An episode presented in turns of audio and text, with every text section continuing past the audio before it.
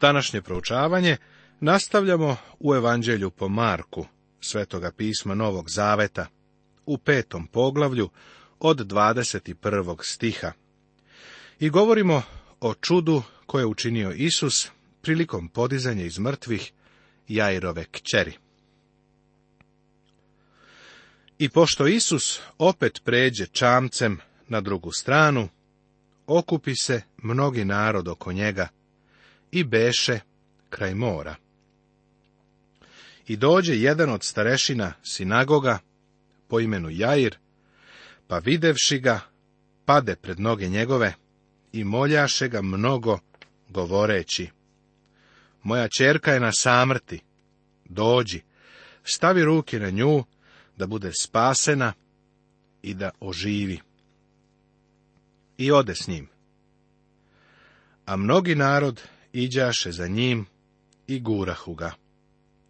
I žena neka, koja je bolovala od tečenja krvi dvanaest godina, mnogo propatila od mnogih lekara i potrošila sve što je imala, a ništa se nije spomogla, nego joj je još gore bilo, čuvši o Isusu, dođe između naroda sleđa i dotače njegovu haljinu jer govoraše, ako samo dotaknem njegove haljine, bit ću spasena. Isus se sada vratio u svoju zemlju. U iznošenju ovog događaja zanimljivo je da je Luka, koji je bio lekar, rekao da ona nije mogla biti isceljena. Marko kaže da je mnogo šta prepatila od strane lekara i da je potrošila sve što je imala. Vidimo da ova stavka o velikim medicinskim troškovima uopšte nije ništa novo u istoriji. I odmah presahnu izvor njene krvi, te osjeti u telu da je izlečena od svoje muke. A Isus, osjetivši odmah u sebi da sila iziđe iz njega, okrenu se u narodu i reče, ko mi dotače haljine?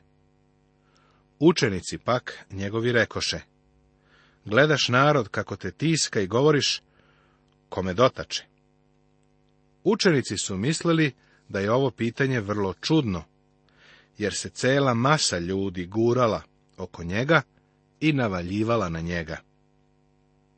Ali samo jedna osoba ga je dotakla sa verom u isceljenje. I danas je ista situacija. Mislim da imamo mnogo ljudi oko nas koji slobodno koriste ime Isus. Trče u naokolo govoreći da je Isus ovo i ono, pa ljudi misle da ga ovi svakako poznaju.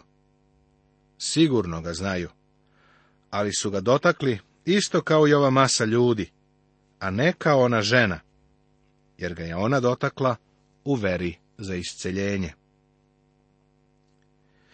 I obaziraše se da vidi onu koja to učini. A žena, znajući šta joj se dogodilo, dođe sa strahom i trepetom, te pade pred njim i reče mu svu istinu. A on joj reče, kćeri, vera tvoja spasla te je, idi s mirom i budi zdrava od svoje bolesti.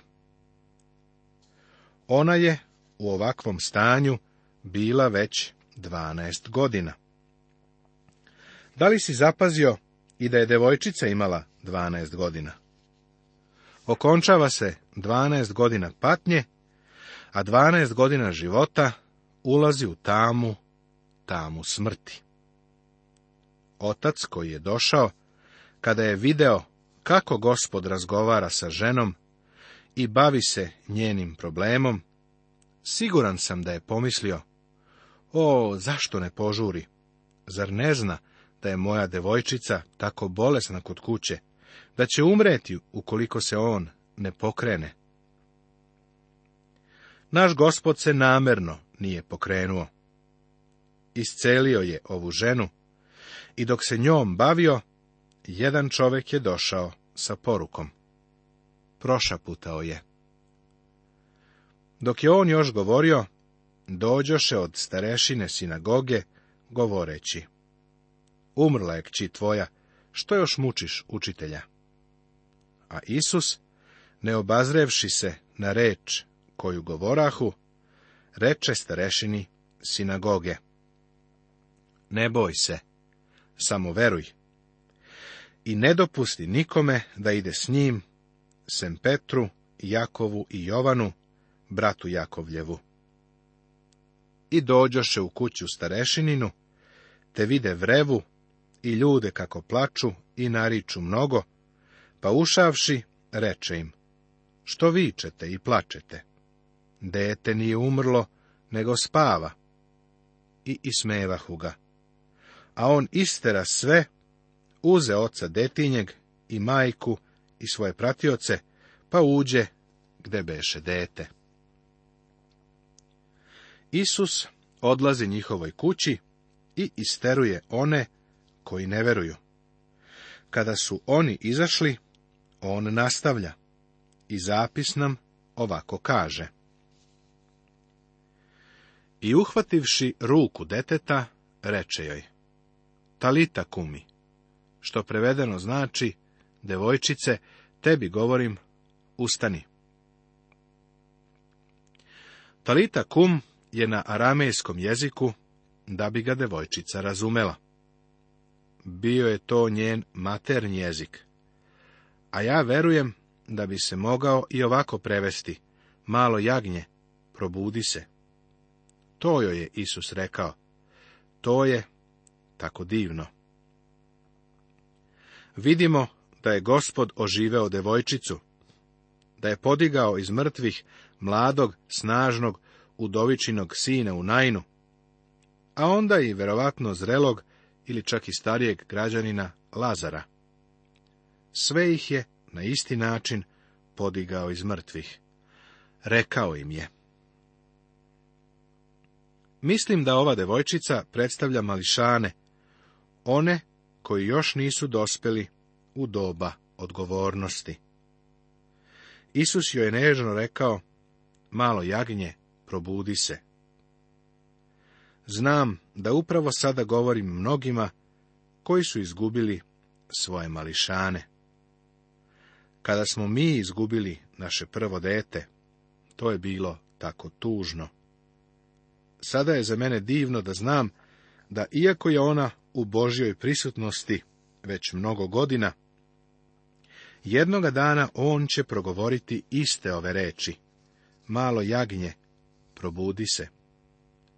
On će govoriti mome i tvome malom jagnjetu. Tada će to malo biće koje smo položili biti podignuto iz groba. Duh će se sjediniti sa proslavljenim telom, a mi ćemo ponovo jednoga dana imati svoje mališane. Kako je to divna, prekrasna stvar. To je pokazatelj Božje sile. I odmah usta devojčica i hodaše. Beše joj naime dvanaest godina.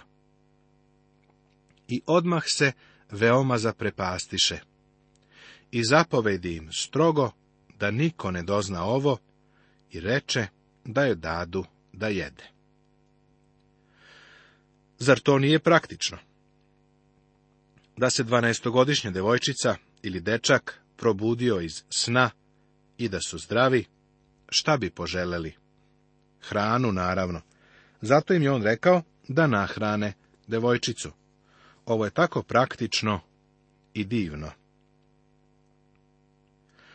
Ovo su tri velika čuda koja, po mojoj oceni, pokazuju veliku poruku Markovog evanđelja.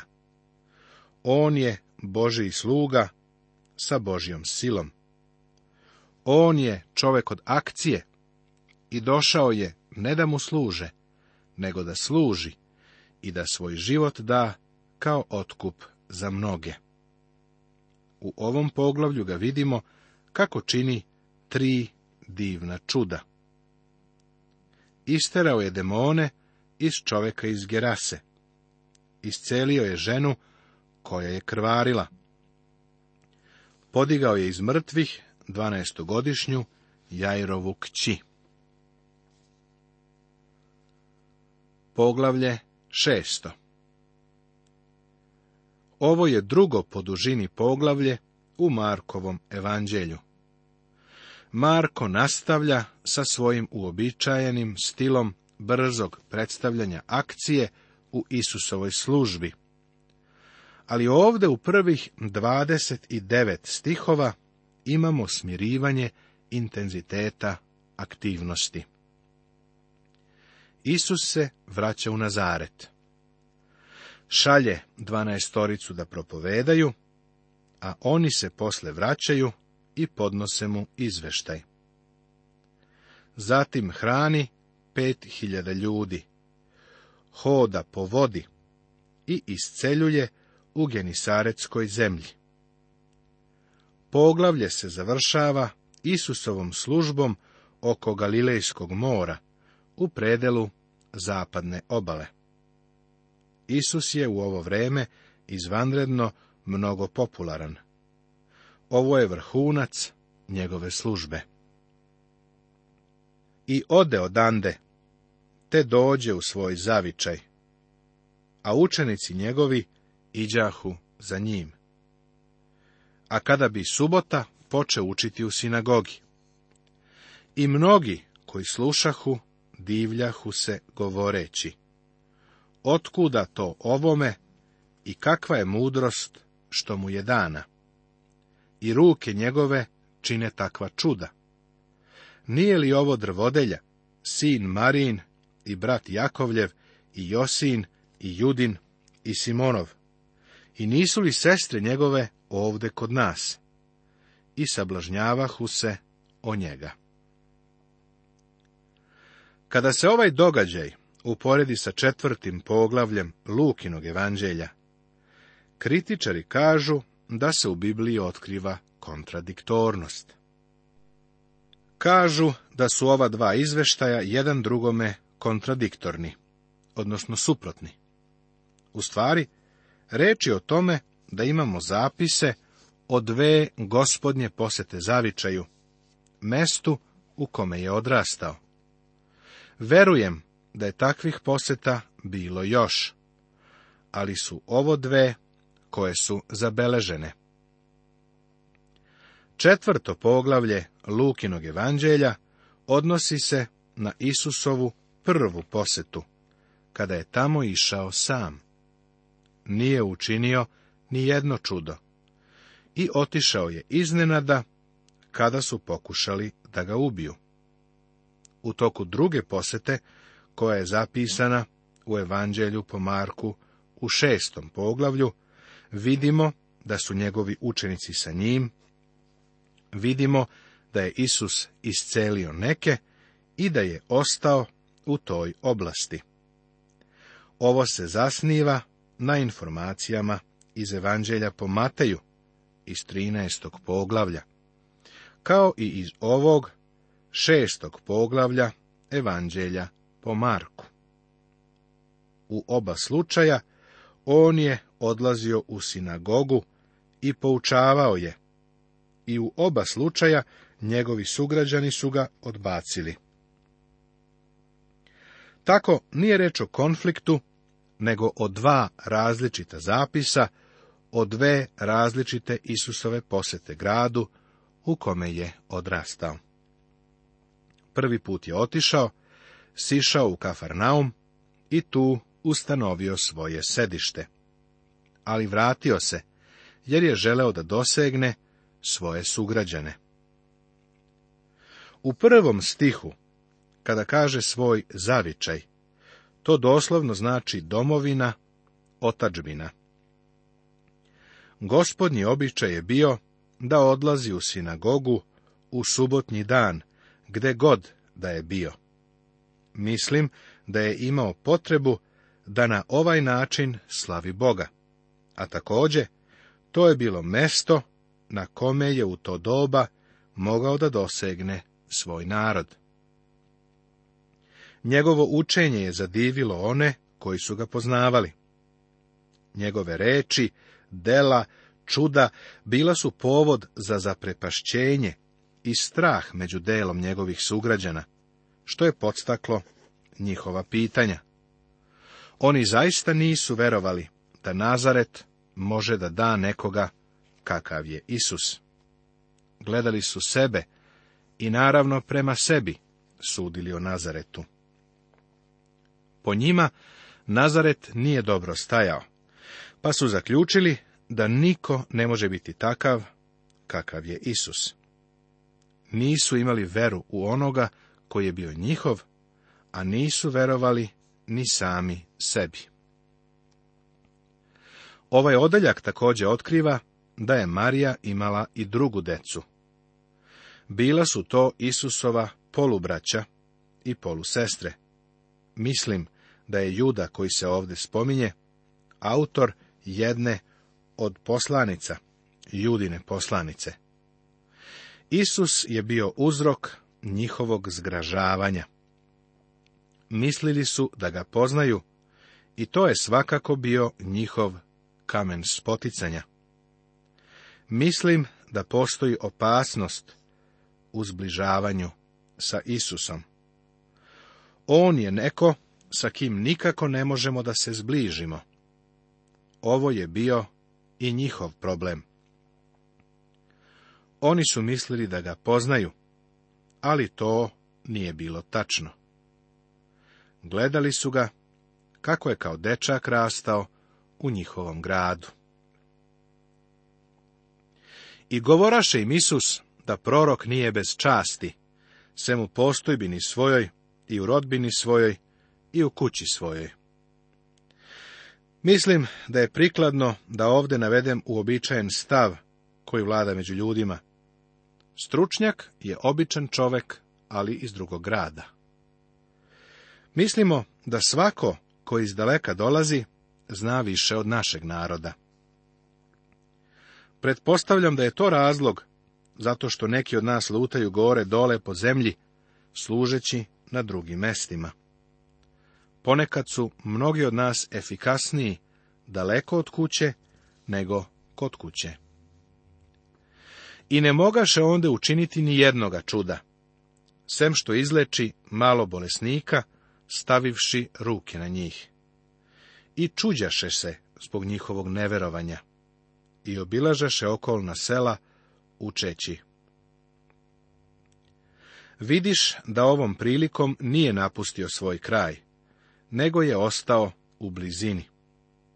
Prvi put je praktično bio oteran iz grada i otišao je u Kafarnaum, da tu ustanovi svoje sedište. Ovo je izvanredan odeljak, jer nam govori o tome da Isus nikakva čuda nije mogao da učini zbog nevere ljudi. Jedino ograničenje svemoćnosti je neverovanje. Vera je jedini zahtev koji oslobađa silu Božiju u spasenju.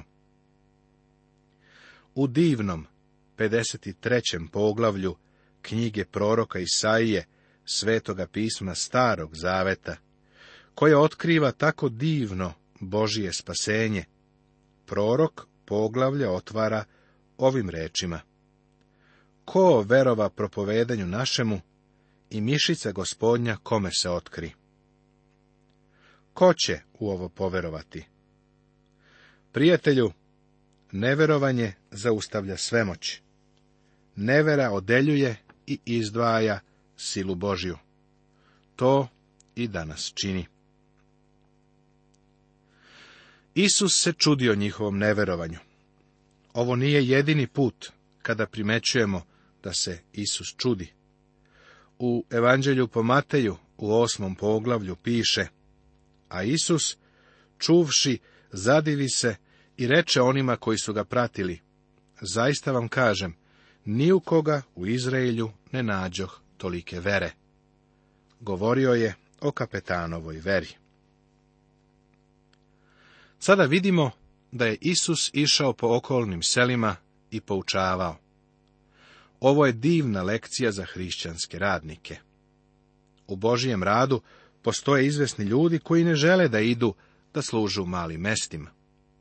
Neki sveštenici, hrišćanski radnici su me čak i kritikovali što odlazim u izvesne male crkve, umjesto da idem u velike. Smatram da nam gospod ovdje daje divan primjer, kada kaže da je išao po selima. Zamisli, prijatelju, gospod slave, sin Boži ovdje, na ovoj zemlji, služi u malim selima. Mogu je da pošalje telegram u Rim da iznajmi koloseum radi velikog skupa. Danas postoje ljudi koji pate od megalomanije. Misle da moraju da imaju ogromno mnoštvo pred sobom. Svi treba da naučimo ovu lekciju od Isusa. Nastavit će se.